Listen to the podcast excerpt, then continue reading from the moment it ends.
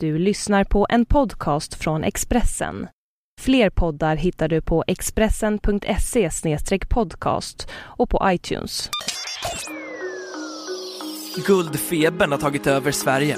Det här är Expressen Dokument, ett fördjupningsreportage av Arne Lapidus som jag, Johan Bengtsson, läser upp. Det råder guldfeber i Sverige. Över hela landet vaskar och hamrar förhoppningsfulla människor på jakt efter den ädla metallen. De flesta ser mer gröna skogar än guld, men två väninnor i Medelpad har gjort ett stort fynd som lett till seriös prospektering. De borrade det fjärde hålet häromdagen. Jag var där och tittade, säger Harriet Svensson i Överturingen.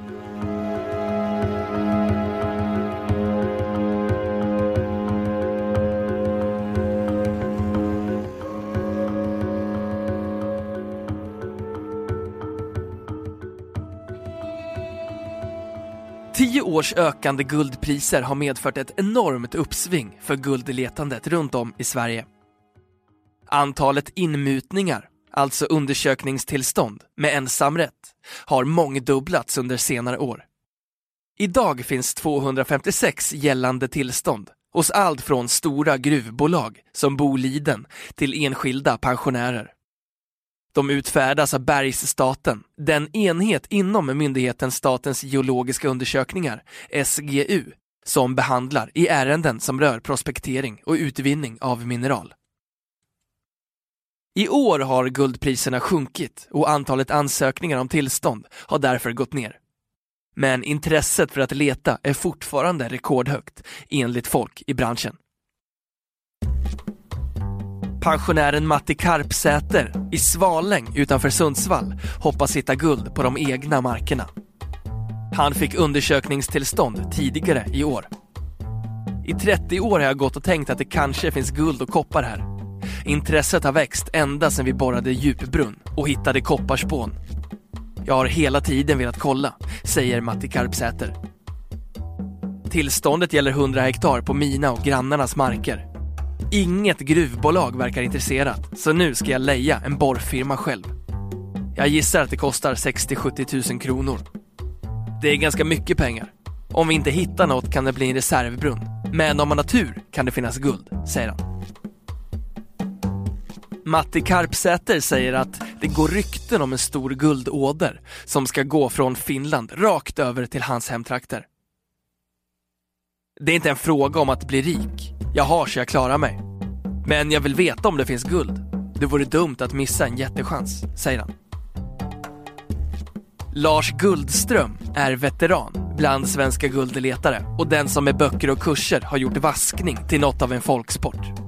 Han säger att intresset har ökat starkt under senare år och att när han började för 40 år sedan var det bara citat enstaka kufar som grävde guld. Slutcitat.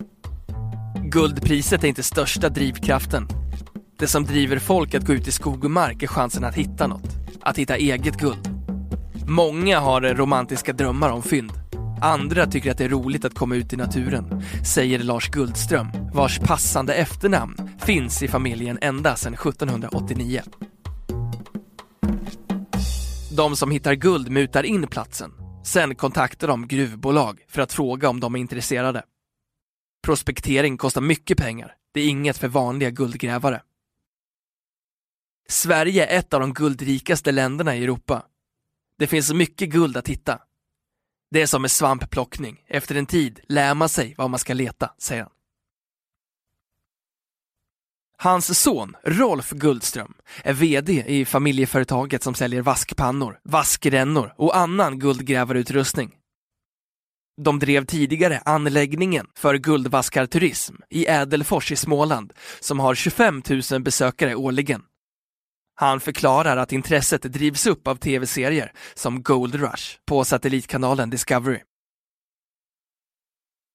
Vi har kunder och kontakter över hela landet. Det finns minst 5 000 aktiva guldletare i Sverige.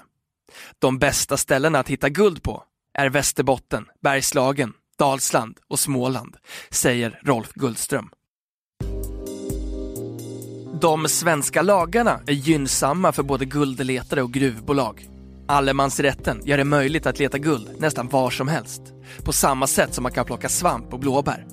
Och minerallagen gör det nästan omöjligt för en markägare att säga nej, om han skulle vilja det, till borrning och utvinning på sina ägor. Du kan inte säga nej till utvinning enligt minerallagen. Det är ett nationellt intresse, som när man drar en väg. Den som utvinner mineral måste betala mineralersättning på 2 promille av metallvärdet, varav 1,5 promille till fastighetsägaren och 0,5 promille till staten, säger Stefan Tauma, gruvingenjör på Bergsstaten. Bergmästare Åsa Persson, som är chef för Bergsstaten, påpekar att det finns vissa krav på de som söker undersökningstillstånd. Den som söker måste ha både avsikt och möjlighet att genomföra prospektering. Det måste också finnas anledning att tro att det lönar sig att leta på platsen. Man kan inte bara söka på måfå, säger Åsa Persson. Vi säger inte nej till privatpersoner, men vi begränsar ytan till cirka 100 hektar. Och om man vill förlänga tillståndet måste man visa att man varit aktiv, säger hon. Det är sällan som guldletare får en riktig jackpot. Men väninnorna Harriet Svensson och Siv Wik från Överturingen i Medelpad lyckades över all förväntan när de hittade guld längs en skogsväg vid gränsen mellan Härjedalen och Medelpad sommaren 2007.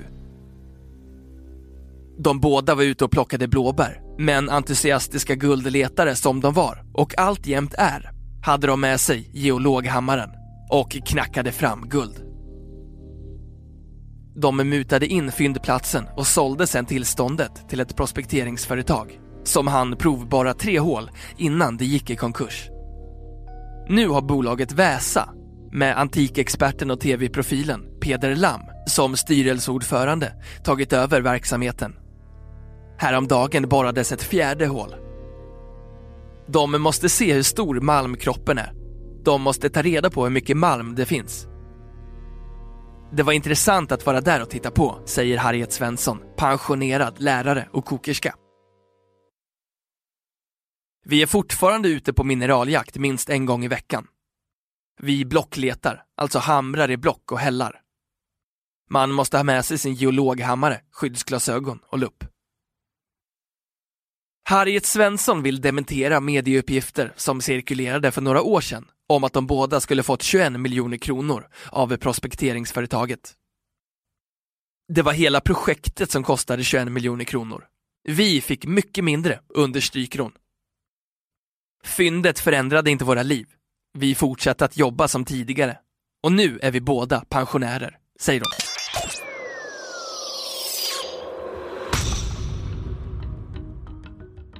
Du har hört Expressen Dokument ett fördjupningsreportage om att guldfebern har tagit över i Sverige av Arne Lapidus, som jag, Johan Bengtsson, har läst upp.